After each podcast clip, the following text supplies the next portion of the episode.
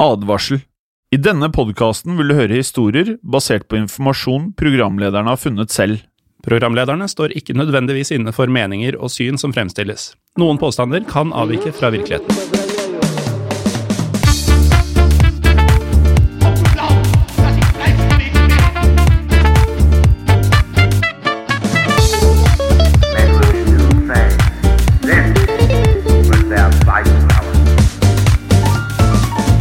Velkommen til historiepodden andre verdenskrig. Jeg heter Morten Galaasen, og du heter Jim Fosheim. Velkommen.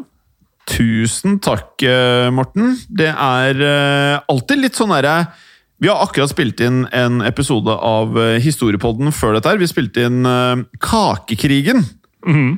Og eh, jeg merker med en gang når vi da går over til historiepodden andre verdenskrig, det er en annen feeling uten at jeg helt klarer å beskrive det, for det er jo det samme vi gjør. Ja, altså, Oppsettet er jo det samme. Du og jeg forteller en historie fra, fra historien.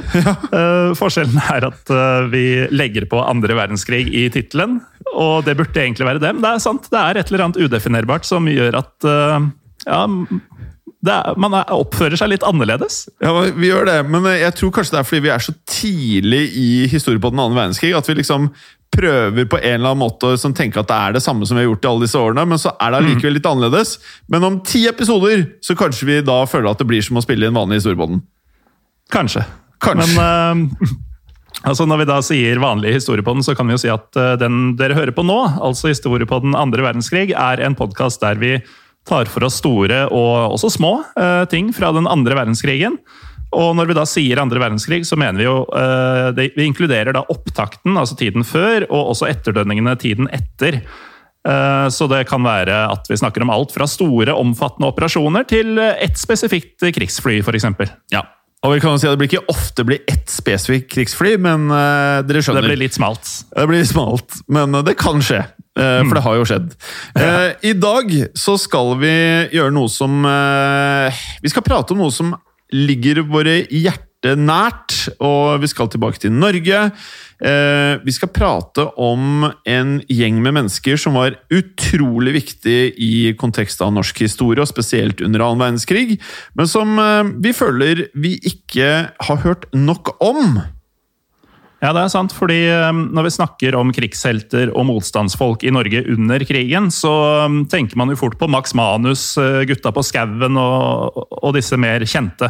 Ja, og mange vil jo da faktisk hevde at eh, motstandsgruppen som vi skal prate om i dag, kan defineres som like viktig som Max Manus og alle de andre som er langt mer kjente, om ikke viktigere. Ja, så Med det så kan vi jo avsløre nå for uh, de som ikke har lest tittelen på episoden, at uh, i dag så skal vi snakke om Pelle-gruppa. Ja, og dette er jo noe vi har gledet oss eh, lenge til. Vi har blitt spurt mange mange ganger i vanlig historiepodden om å prate om Pellegruppa. Eh, vi har ønsket at denne episoden skal eh, ja, i hvert fall eh, få frem Pellegruppa på en måte som vi føler de fortjener.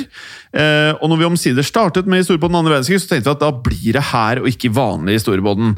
Og det vi kan si at når vi begynte å gå eh, Pellegruppa i eh, sømmene, er at det, det mest åpenbare er at det føles som at de ikke er i nærheten av å ha fått den hederen og æren som de da faktisk har fortjent.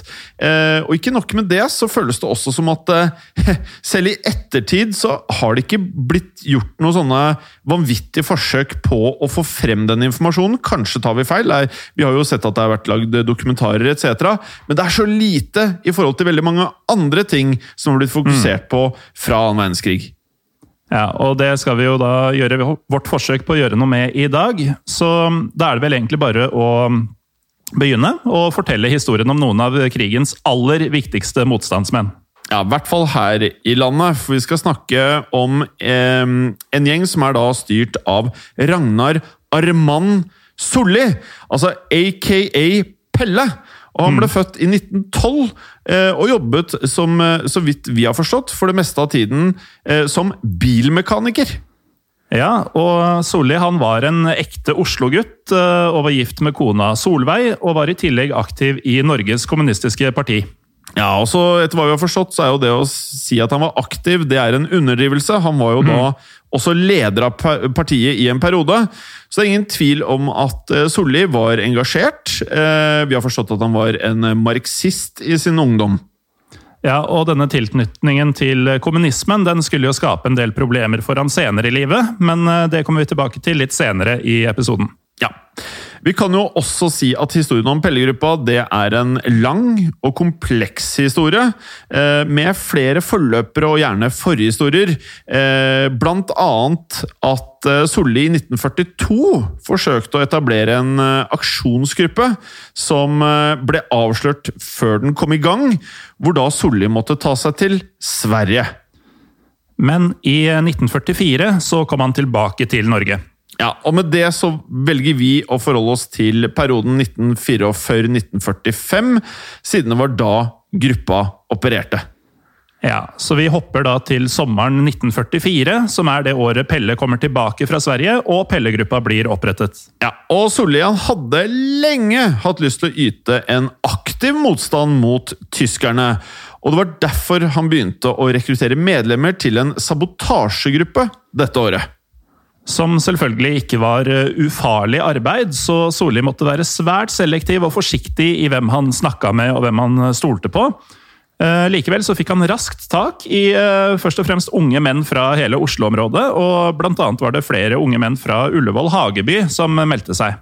Ja, og Solli han visste at det fantes en gjeng på Ullevål Hageby som allerede i mange mange år hadde drevet organisert eh, egentrening i Oslomarka. De hadde drevet med orientering og også trening i nærkamp. Eh, og de var på mange måter de perfekte rekruttene til en slik gruppe. Ja, for det var eh, veldig viktig for eh, Solli at eh, medlemmene han rekrutterte var i god fysisk form. Og dermed så var jo denne gruppa fra Hagebyen selvskrevne kandidater. Ja, og til sammen så klarte Solli å rekruttere hele 100 unge menn. Og han skulle selv da være leder for gruppen, og da under dekknavn, og da, som vi nevnte, så var jo da Solli selveste Pelle. Ja, og sånn fikk også gruppa navnet Pellegruppa. Så da var Pellegruppa et faktum i 1944. Og selv om Pellegruppa hadde en leder med en klar kommunistisk ideologi, så var ikke gruppa på noen måte politisk. Ehm, Det fantes, det fantes også andre kommunister i gruppa, men det det var ikke sånn at alle hadde dette politiske synet. Ja, for gruppens eh, mål eh, og formål var å gjøre livet langt vanskeligere for eh, de tyske okkupantene, eh, som på sett og vis er et tydelig mål, men ikke nødvendigvis et enkelt mål å ha i denne perioden. Nei, det kan du trygt si. Og Pellegruppa de var ivrige etter å starte med sabotasjer, men det var jo ett problem. Den norske eksilregjeringa i London hadde gitt forbud mot å bedrive sabotasjeaksjoner mot tyskerne i frykt for represalier. Ja, og Denne linjen var Pellegruppen sterkt uenig i. De mente at sabotasje var helt nødvendig hvis krigen noensinne skulle bli vunnet. Så Pelle bestemte seg derfor for å begynne opptrening av gruppen. Og Pelle han viste seg både som en eh, dyktig leder og også dyktig trener, som eh, ble omtalt som streng, men rettferdig. Og han gjorde det også klart for alle de involverte at eh, operasjonene de skulle gjennomføre, bokstavelig talt ville være livsfarlige. Ja. Gruppen opprettet så et hovedkvarter i en liten hytte på Kruksskogen, et stykke utenfor Oslo. Og Hytten fungerte som et oppholdssted og som senter for all planlegging, og denne hytten skulle også forbli deres base gjennom krigen. Ja, og Solli, eller da Pelle, som de fleste kjente han som, var, eh, var veldig ivrig etter å starte med aksjonene. For hittil så hadde de holdt seg til opptrening, og så langt fulgt rådene fra regjeringa i England. Men på dette tidspunktet så hadde det kommet eh, signaler fra London om at visse sabotasjeaksjoner faktisk var ønsket. Ja. Pellegruppa var jo som mange andre nordmenn både sinte og frustrerte over situasjonen Norge var i. Og Disse signalene fra London ble derfor tatt særs godt imot, og de begynte å planlegge umiddelbart. Det gjorde de, og altså, i 1944, som vi er i nå, så var så å si all norsk produksjon underlagt eh, Tyskland. Og så mye som 81% av all eksport ble sendt nettopp dit. Så derfor så var det jo naturlig å angripe nettopp denne eksportåren ut av landet. Og Pellegruppa de funderte lenge på hvilke eksportvarer tyskerne minst ville like å miste, selvfølgelig. Og de kom da til slutt frem til at slipeutstyr var noe som sto høyest, eller i hvert fall veldig høyt på denne listen. Ja, det høres kanskje nærmest banalt ut, men eh, denne typen utstyr var helt essensielt for tyskerne når de skulle produsere våpen og militære kjøretøy. Og de bestemte seg derfor for å ødelegge to norske slipeskivefabrikker. Og begge disse fabrikkene forsynte tyskerne med utstyr, og Pelle han mente at dette ville være et godt sted å starte, nærmest perfekt. Ja, og De to fabrikkene som ble utpekt som mål, det var Foss slipeskivefabrikk i Sandakerveien i Oslo, og slipeskivefabrikken som het Fett og Rælingen ved Fettsund. Den 7. august 1944 ble da to grupperinger fra Pellegruppa sendt til hver sin fabrikk for å gjennomføre de planlagte sabotasjene. Og selv om dette var den aller første aksjonen, og at det mm, selvfølgelig var spenning knytta til akkurat det, så ble ikke dette regna som en veldig risikabel aksjon, egentlig. Ehm, I hvert fall ikke var det ment sånn i utgangspunktet. Men de skulle riktignok ulovlig sprenge to fabrikker i luften! Så dette var jo åpenbart ikke helt ufarlig. Nei, det, det har du selvfølgelig rett i, men eh, poenget er at eh, ingen av fabrikkene hadde noe særlig vakthold. Så mm, det var rett og slett bare å spasere rett inn. Det var det, men eh, planen var jo da at sprengningene på de to fabrikkene skulle skje helt samtidig. Og På hver av fabrikkene skulle de da gå inn to og to og plassere ladningene. På Fettsund var det de to medlemmene som het Sverre Kokken og Sverre Steen, som gikk inn i fabrikken. Og nå kan vi jo allerede avsløre Jim, at eh, disse to aksjonene ikke gikk helt etter planen. Nei, for på begge stedene gikk ladningene av mens de ble montert, og det er mindre heldig. I Sandakerveien gikk dette utrolig nok, eh, når vi researcha dette her, bra. Mens i Fettsund så gikk det langt verre. Ja, Da fabrikken i Fettsund gikk i lufta, så var de andre medlemmene sikre på at Kokkin og Steen måtte ha mista livet i eksplosjonen, så derfor hadde de ikke noe annet valg enn å flykte fra åstedet før tyskerne kom. Ja, Litt senere fant de ut at Sverre Kokkin på mirakuløst vis da hadde overlevd eksplosjonen, og også klarte å rømme og komme seg inn til Oslo helt på egen hånd. Ehm, for han hadde da angivelig da ikke vært ved sprengladningen da den gikk av, og fant omsider da en sykkel som sto utenfor fabrikken, og det var slik han klarte å komme seg videre. Verre gikk det da med den 26 år gamle Sverre Steen. Han hadde vært den som plasserte ladningene, og hadde dødd momentant da de gikk av.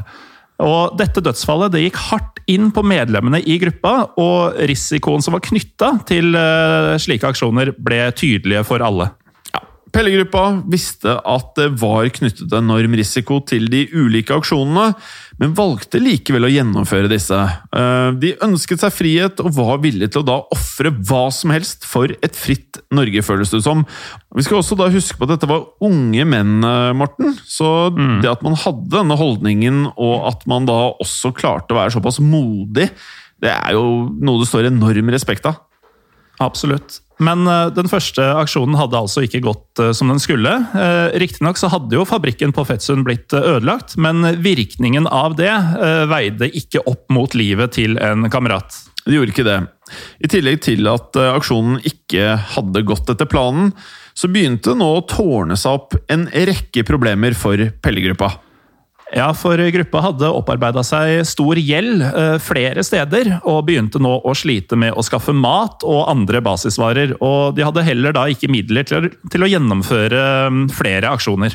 Ja, og Pelle, som eh, da følte at han hadde mye av ansvaret for det som hadde skjedd i den første aksjonen, skjønte at de måtte skaffe penger. Det var helt nødvendig om gruppen ikke skulle gå totalt i oppløsning før den i praksis hadde kommet ordentlig i gang. Så det Pelle gjorde, var å undersøke litt forskjellige muligheter, og kom fram til at det beste alternativet det ville være å rane lønnsavdelinga ved Oslo Sporveier. Ja, og dette var jo ikke noe de ønsket å gjøre, å rane Oslo sporveier. Men her, man, man må sette i kontekst. Dette her var krig. Vi var øh, under tysk okkupasjon. Og for å gjøre da det de mente var viktig for Norge for å gjøre sin del i krigen, så måtte de ha penger hvis de skulle klare å fortsette kampen mot okkupasjonen. Helt riktig. Så um, de tre medlemmene av Pelle-gruppa, Kasper Johansen, Leif Kjemperud og Asbjørn Jensen, de tok på seg denne oppgaven. Og ranet ble gjennomført midt på lyse dagen, og det skjedde uten noen stor dramatikk, etter hva vi forsto, for det hele skulle være over på kun noen få minutter. Ja, så Som det har blitt beskrevet, så gikk de raskt inn, fikk tak i pengene og sykla fra åstedet. Og i løpet av aksjonen så ble det ingen skader. Aksjonen den var eh, også, etter hva vi forsto, nøye planlagt, slik at eh, det da skulle gå smertefritt. Johansen, Kjemperud og Jensen hadde utført denne oppgaven svært effektivt. Til sammen så klarte de å få med seg nesten 115 000 kroner, som eh, i dagens pengeverdi tilsvarer over 2,5 millioner kroner hjem. Ja, og det skjønner man tar en gruppe som dette langt på vei. Og med disse midlene kunne jo da gruppen fikse opp alt som var av økonomiske problemer, og også da, viktigst av alt, fortsette planleggingen og fortsette kampen mot nazistene. Ja, for nå kunne de gå til innkjøp av nytt og sikrere utstyr, og på den måten unngå fiaskoen fra den første aksjonen. Ja, og med disse pengene så ville de nå kunne gjennomføre flere aksjoner, og med det gjøre livet til de tyske okkupantene veldig, veldig vanskelig. Og disse aksjonene de skal vi snakke om etter en liten pause. Velkommen tilbake. Denne gangen snakker vi om Pelle-gruppa, og før pausen så snakket vi om at Pelle-gruppa hadde klart å komme seg ut av sin økonomiske krise, og nå igjen var klare for nye sabotasjeaksjoner mot tyskerne. Ja, og Pelle-gruppa de skilte seg jo ut som en sabotasjegruppe fordi de var helt uavhengige. Altså, De hadde ingen bånd til politiske instanser eller noen form for organisasjoner. Og dette gjorde at de selv kunne bestemme hvilke sabotasjemål de da skulle angripe. Og denne friheten var svært viktig for gruppa, men samtidig så er det jo sånn at en slik uavhengighet eh, ikke var helt uproblematisk. Som, eh, som vi har sett, så fikk de jo ikke støtte fra noe sted, slik som f.eks. Milorg eh, fikk. Og måtte jo derfor da rane Sporveien for, eksempel, for å få tak i penger. For selv om gruppen var uavhengig, så fulgte de likevel med på hvilke sabotasjemål som var ja, ønsket ødelagt av regjeringen i London. Ja, og en annen sabotasjegruppe hadde fått beskjed om å sabotere norske snekkerfabrikker, sånn at tyskerne ikke kunne lage kasser til landminer.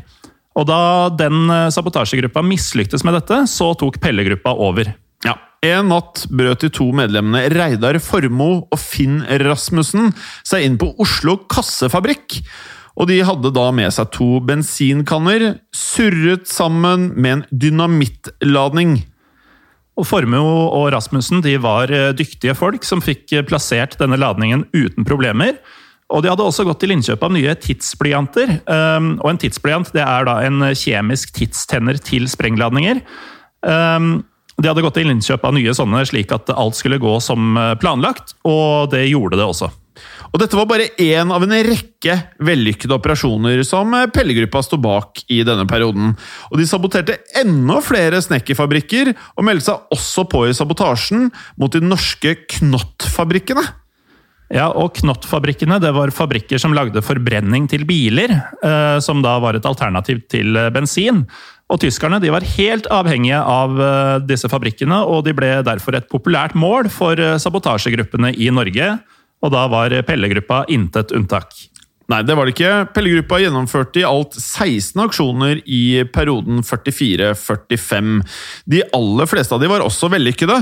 Um, og det var liten tvil, etter hva vi gjorde av research, at de gjorde en ekstremt viktig jobb for motstandskampen i Norge. Men av disse 16 aksjonene så er det spesielt én som må trekkes fram som deres aller største bidrag til motstandskampen, Jim. Ja, Den skiller seg helt klart ut, og var gjerne blant det aller viktigste av alt aksjoner i Norge i løpet av krigen. Mm. Og Pelle han hadde lenge drømt om å sprenge samtlige tyske skip som lå ved de to verkstedene Aker Mekaniske Verksted og Nyland Mekaniske Verksted. Og disse skipene lå da ved det området vi i dag kjenner til som Aker Brygge i Oslo. Ja, og det å sprenge samtlige tyske skip eh, ved disse versene, det er jo det er en hårete plan, eh, for å si det mildt. For eh, i motsetning til disse slipeskivefabrikkene, så hadde jo disse verkstedene et ekstremt vakthold. Ja, og selv om denne planen nesten, etter hva vi forsto av mange, var sett på som umulig, så visste Pellegruppa at en slik aksjon ville ha ekstremt mye å si i kampen mot tyskerne.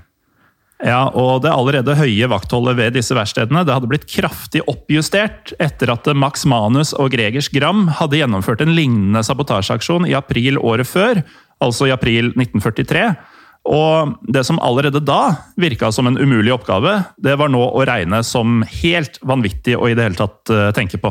Ja, det, det, det virket sånn. For Gram og Manus de hadde nemlig tatt sjøveien til hjelp i sin eh, sabotasjeaksjon. Men det var ikke lenger mulig. Nettopp pga. at de hadde gjort dette her, så var vaktholdet superstrengt.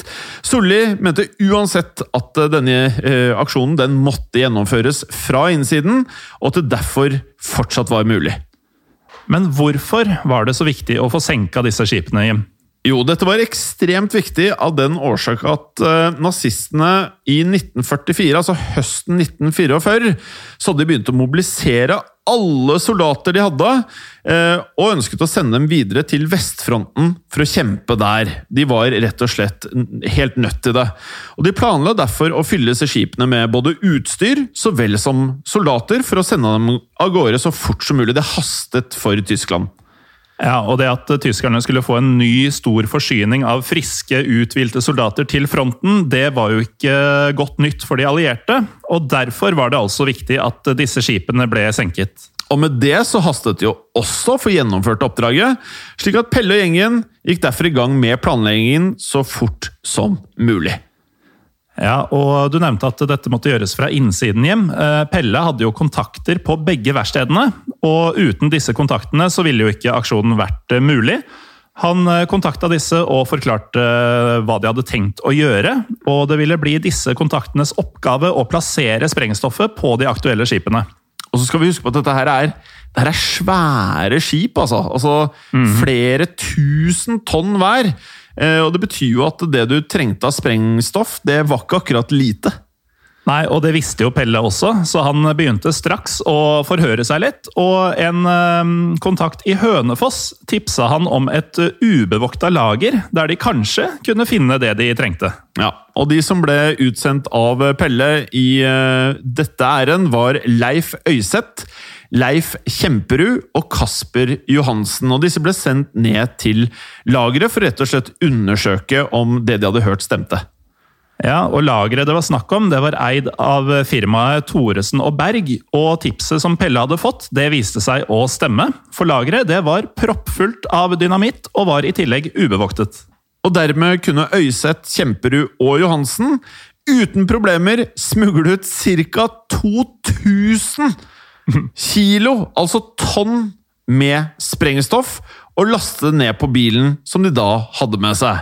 Og Første etappe hadde med andre ord dermed gått helt uten problemer, men tilbaketuren, Morten, den gikk ikke helt problemfritt. Nei, for mens de hadde henta denne dynamitten, så hadde det begynt å regne voldsomt. Og veiene var derfor nå fulle av søle. Eh, så fulle av søle at bilen sleit med å komme seg framover på veien. De slet, og Johansen og Øyseth de eh, måtte på, på, denne ferden sitte på lasteplanene. Og de måtte faktisk da tviholde på alle disse kassene som da inneholdt 2000 kilo! altså to tonn dynamitt satt de fysisk og skulle da holde på plass i bilen, sånn at det ikke spratt av bilen. Ja, så um, du, du, hadde jo mildt sagt nok å gjøre bakpå der, men det skulle da heller ikke ta lang tid før bilen kjørte seg helt fast. Og da, da sto de jo godt i det, bokstavelig talt. Ja, og på denne tiden så var det ikke akkurat overraskende om det kom eh, tyske patruljebiler forbi. Og det gjorde de på akkurat dette området stadig vekk, etter hva vi forsto. Mm. Eh, og hvis det hadde blitt oppdaget hva de hadde i disse kassene, så ville jo de antagelig bøtet med livet.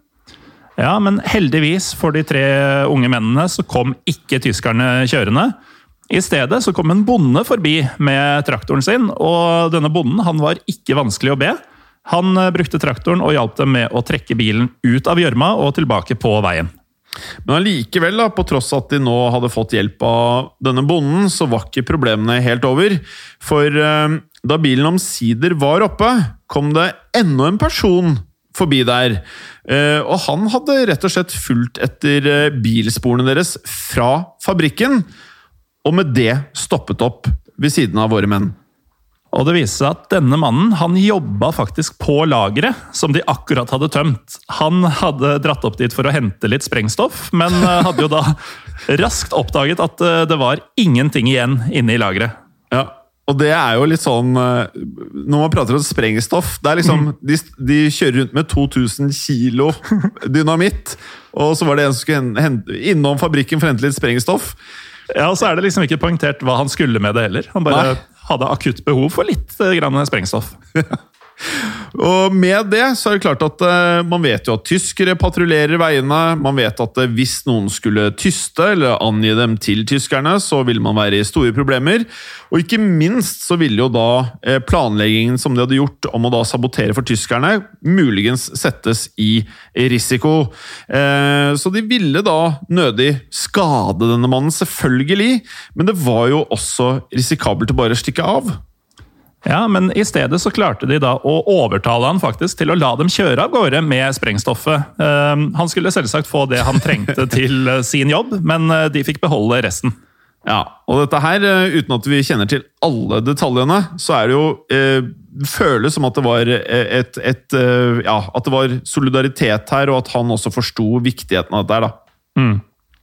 Ja. For om han da støttet motstandskampen, eller om det var rett og slett det kan, For alt vi vet, så kan det være at han fryktet for eh, sitt eget liv. Så det spiller liten rolle. De fikk lov til å kjøre videre eh, uten å måtte drepe denne personen. Ja, og etter mye om og men med sølete veier og mye regn, så klarte de til slutt å kjøre sprengstoffet opp til hovedkvarteret på Krokskogen, der flere av Pellegruppas medlemmer venta på dem. Ja, det var jo bra, men dette var jo egentlig bare å regne som en eh, første etappe. For nå så begynte jo det For allerede her så hadde vi møtt trøbbel, men nå begynte virkelig det som var høyrisikoarbeid. For nå skulle jo da smugle alt dette sprengstoffet inn til Oslo igjen. Ja, og derfor så pakka de alt sammen ned i potetsekker, og dekka da toppen med potetblader. Og fikk deretter en sjåfør til å kjøre hele lasten med sprengstoff inn til byen. Ja. Uh, og det som uh, vi ble litt overrasket over her, egentlig, var jo at eh, sjåføren Han var jo ikke, en, han var jo ikke et medlem av gruppen. Eh, Så denne stakkars sjåføren han eh, trodde jo bare at han skulle kjøre masse poteter. Og siden sjåføren ikke ante at bilen hans var fullastet med sprengstoff, så vakte han heller ingen mistanke hos de tyske kontrollørene på vei inn til Oslo. Nei, for de trodde, akkurat som han, at det kun var poteter i de sekkene. Så bilen den kom seg uten problemer inn til hovedstaden. Og der ble sprengstoffet gjemt i en leilighet på Majorstua. Ja, og med det så hadde da Pellegruppa klart å smugle inn to tonn med dynamitt inn til Oslo, rett under nesen på de tyske soldatene. Og selv om de var fornøyd med å ha kommet så langt, så hadde de likevel knapt med tid, og kunne egentlig ikke kaste bort et sekund her. Så de måtte få flytta alt dette sprengstoffet ned til de to verkstedene. Og med det så tok Pelle kontakt, han med en av sine kontakter på Aker Mek, og en på Nyland. Og disse kontaktene fikk så i oppgave å da frakte sprengstoff fra Majorstuen og ned til verkstedene. Eh, De måtte jo da selvsagt være forsiktige, og kunne ikke ta med seg så mye om gangen. Eh, De kunne i hvert fall ikke ta med seg to tonn i ett jafs. Men eh, likevel så klarte de på ganske få uker å få flytta absolutt alt sammen ned til havna. Og med det så var vi da endelig klar for eh, den siste forflytningsetappen. Altså sprengstoffet måtte nå inn i disse svære boltene. Og det var ingen enkel oppgave, for alle disse skipene de var strengt bevokta av tyske soldater. Nei. Og dette hadde likevel eh, Pellegruppa tatt høyde for, selvfølgelig, men man må jo nå huske på at eh, alle disse karene her faktisk da jobbet som skipsarbeidere på havna. Og det var jo derfor helt naturlig at de fikk bevege seg inn og ut av båtene som lå der.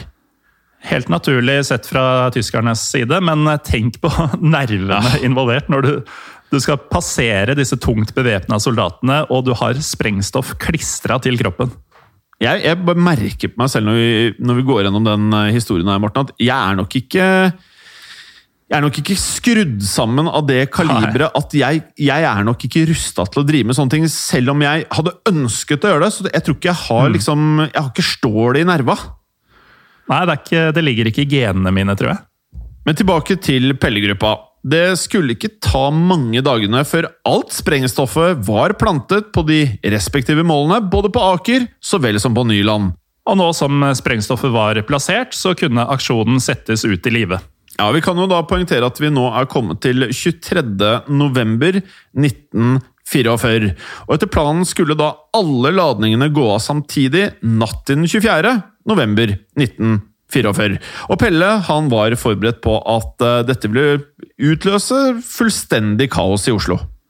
Ja, så De medlemmene som hadde planta disse ladningene, hadde derfor fått beskjed av Pelle om å komme seg ut av landet rett etter at alt sprengstoffet var plassert.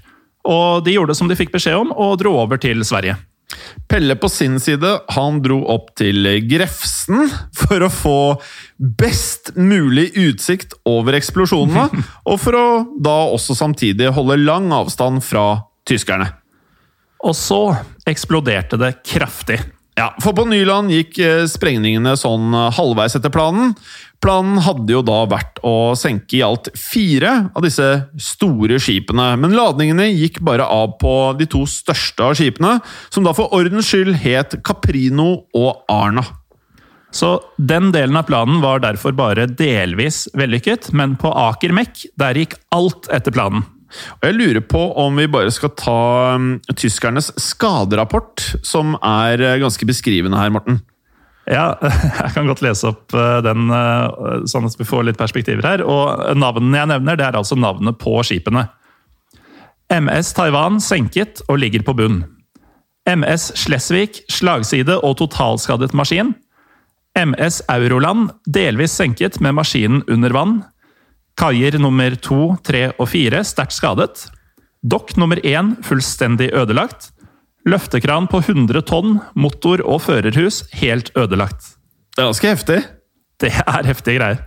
Og til sammen så klarte da Pellegruppa denne dagen å senke, hold dere fast, 23 500 tonn med skip! Og skade ytterligere 25 800 tonn! Og til sammen så blir jo det da nesten 50 000 tonn med skip som de klarte å på en eller annen måte skade eller senke. Ja, og så skjønner man jo da at dette er store tall, men eh, det blir kanskje så stort at det er vanskelig å forholde seg til. Så til sammenligning Altså, du sier at de senka eller skada nesten 50 000 tonn med skip. Titanic den veide 50 tonn. Så da skjønner du at dette er stor skala. det, altså, det er så ekstremt! Og dette var jo nettopp det tyskerne hadde fryktet, og de var selvfølgelig rasende etter denne vanvittige sabotasjeaksjonen. Og som Pelle hadde forutsett, så tok det ikke mange timene før tyskerne begynte å avhøre samtlige arbeidere ved begge verkstedene. Og det var jo egentlig unødvendig, for tyskerne skjønte jo ganske fort tegninga da de ansvarlige ikke møtte opp til jobb de neste dagene. Eh, de hadde kommet seg trygt over til Sverige. Og med det så føler i hvert fall vi, og jeg håper mange av lytterne også nå skjønner, at det er få, om noen aksjoner som ble gjort i Norge under annen verdenskrig, som er i nærheten, føler jeg da, å måle seg med det som skjedde den dagen. Ja, altså Sabotasjen mot eh, Nyland og Aker Mek er den desidert største sabotasjeaksjonen som ble gjort i Oslo-området, i hvert fall, under krigen. Og det sier jo ikke lite. Men eh, da kommer jo også spørsmålet, Jim. Hvorfor er det så få som har hørt om Pelle-gruppa?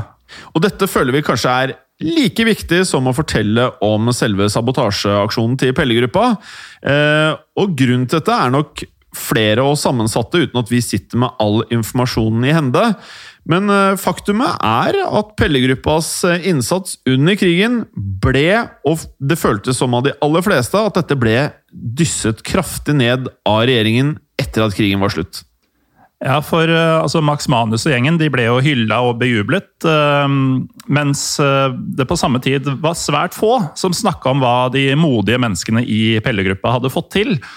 Og det enkle svaret på hvorfor, det er nok fort eh, Ragnar Solli, altså Pelle, eh, og hans politiske overbevisning. Ja. For etter krigen så tok da Arbeiderpartiet over styringen i landet, og de hadde tidlig en klar agenda mot kommunismen. Og I denne perioden så bygde det seg opp til en kald krig i verden, og Norge ønsket å ta avstand fra Sovjetunionen og all form for marxisme. Altså, faktisk så gikk det så langt at eh, de gjenlevende medlemmene av Pelle-gruppa ble avlyttet i lang tid etter krigen. Så Arbeiderpartiet drev altså med ulovlig avlytting av norske krigshelter. Det er jo ganske vilt. Det er ganske vilt. Jeg var ikke klar over dette før vi skulle spille inn eh, og lage episoden her. Og etter hva vi har forstått, så er det slik at flere av medlemmene også fikk et eh, yrkesforbud. Altså, de ble ikke bare glemt når man egentlig burde ha blitt hyllet, de ble også straffet etter krigen. Og på toppen av det hele så fikk også Max Manus æren for aksjonen mot Aker og Nyland Mek. For det føles, Morten, som at det ble gjort en stor urett mot Pellegruppa Pelle-gruppa etter krigen. Ja, definitivt. Og anerkjennelsen eh, de fikk, speiler på ingen måte da denne enorme innsatsen som de gjorde for landet vårt. Nei, og de aller fleste av gruppas medlemmer fikk heller aldri oppleve å bli hedret for eh, innsatsen sin. Eh, Og det inkluderer da Ragnar Solli, som døde den 24. november 1987. Mhm. For det var nemlig først i 2013 at de gjenlevende medlemmene fikk sin rettmessige hyllest for sin innsats under annen verdenskrig. Da var det dessverre kun tre av de opprinnelige medlemmene som fremdeles var i live. Likevel så fikk i hvert fall disse tre mottatt hyllest fra forsvarsministeren og med kronprinsen til stede. Og I tillegg så ble det reist et minnesmerke på Aker Brygge til ære for Pelle-gruppa og deres offer under krigen. Og jeg tenkte at vi også kan legge til nekrologen til Pelle eh, av Ivar Kraglund, eh, Gunnar Sønsteby og Arnfinn Moland. Ragnar Armand Solli er død, 75 år gammel. En motstandskjempe har falt. Krigen fremtvang det beste i mange landsmenn, men få klarte i samme grad som han å utnytte sine egenskaper i praktisk og krigsviktig handling. Som medlem av Norges Kommunistiske Parti sto han på partiets radikale motstandsplattform, men uten å la partipolitikk styre sin virksomhet. Snarere var det dypfølt patriotisme og kompromissløst engasjement som var drivkraft og rettesnor for hans omfattende krigsinnsats. Og det føles å si ganske mye om eh, Pelle. Det må man si. Og mye av det vi nå prater om her nå, er også en av grunnene i hvert fall til at vi ønsket å lage denne episoden om Pelle-gruppa. Ikke bare fokusere på selve aksjonen og det de gjorde under krigen, men også få Mm. frem Det er jo en grov urettferd at eh, mange av medlemmene av Pelle-gruppa aldri fikk noen form for anerkjennelse mens de fremdeles var i live. Ja, helt enig. Så um, det har vært uh, viktig og fint for oss å kunne bidra til å fortelle historien uh, deres. Og altså, vi snakker om de, noen av de virkelig største heltene vi har hatt i landet. som fortjener all heder og ære for det de gjorde. Og øh, jeg kunne godt tenke meg, hvis det er lyttere der ute som kan enda mer om Pellegruppa enn øh, det vi gjør, og enda mer om Pellegruppa enn det som er, eh, som er av stoff der ute. For jeg tror at det, hvis man har lest mye bøker om norsk eh, motstandsfolk opp gjennom åra, så tror jeg de er nevnt flere steder. Men jeg tror det, du må på en måte ha lest ganske mye for å få en sånn herre Ehm, ja, for, for å kanskje få med deg bruddstykker av fortellingen og alt de har vært involvert i i denne perioden. Så vil vi gjerne gjerne høre om det, og gjerne få anbefalinger til uh, bøker også. Uh, og jeg ser ikke bort ifra, Morten, at vi kanskje spiller inn en ny- ny episode av Pellegruppa senere, med enda mer informasjon, hvis vi da klarer å tilegne oss den informasjonen. For det er jo ikke, det er ikke sånn at det flyter av informasjon der ute. Nei, det gjør ikke det. Så hvis du som hører på nå har um, gode kilder om Pelle-gruppa, eller har tilgang til mer informasjon, så del gjerne det med oss på eh, Instagram eller Facebook, hvor vi heter Historiepodden Norge. Eller aller helst eh, i gruppa vår på Facebook, Historie for alle, sånn at eh, folk kan kaste seg på og diskutere og dele eh, som de vil. Ja, Og med det, Morten, så ønsker vi veldig gjerne at du som hører på, går inn på iTunes og rater Historiepodden andre verdenskrig. Gjerne da med både stjerner og en liten kommentar til oss. Da blir vi utrolig glade og veldig motiverte, som regel. Det gjør vi. Og med det, Jim, så er det vel bare én ting igjen å si. Det har skjedd. Og det kan skje igjen. Ha det bra! Ha det! I produksjonen av Historiepodden så ønsker vi å takke Håkon Bråten for lyd og musikk. Takk til Felix Hernes for produksjon. Takk til Ellen Froktenestad for tekst og manus. Og takk til deg, Morten Galesen, for programlederrolle. Og takk til deg, Jim Fosheim, for programlederrolle. Moderne media. Kiwi er billigst i VGs matbørs og har vært billigst i fire av de fem siste VGs matbørser. Og nå presser vi prisene på frukt og grønnsaker. På 200 gram broccolini setter vi prisen til 24,90. På 400 gram Cevita blåbær setter vi prisen til 49,90. Og husk, alle Kiwi Pluss-kunder får i tillegg 15% trumfbonus på all fersk frukt og grønt. For det er vi som er prispresserne. Og vi i Kiwi gir oss aldri på pris.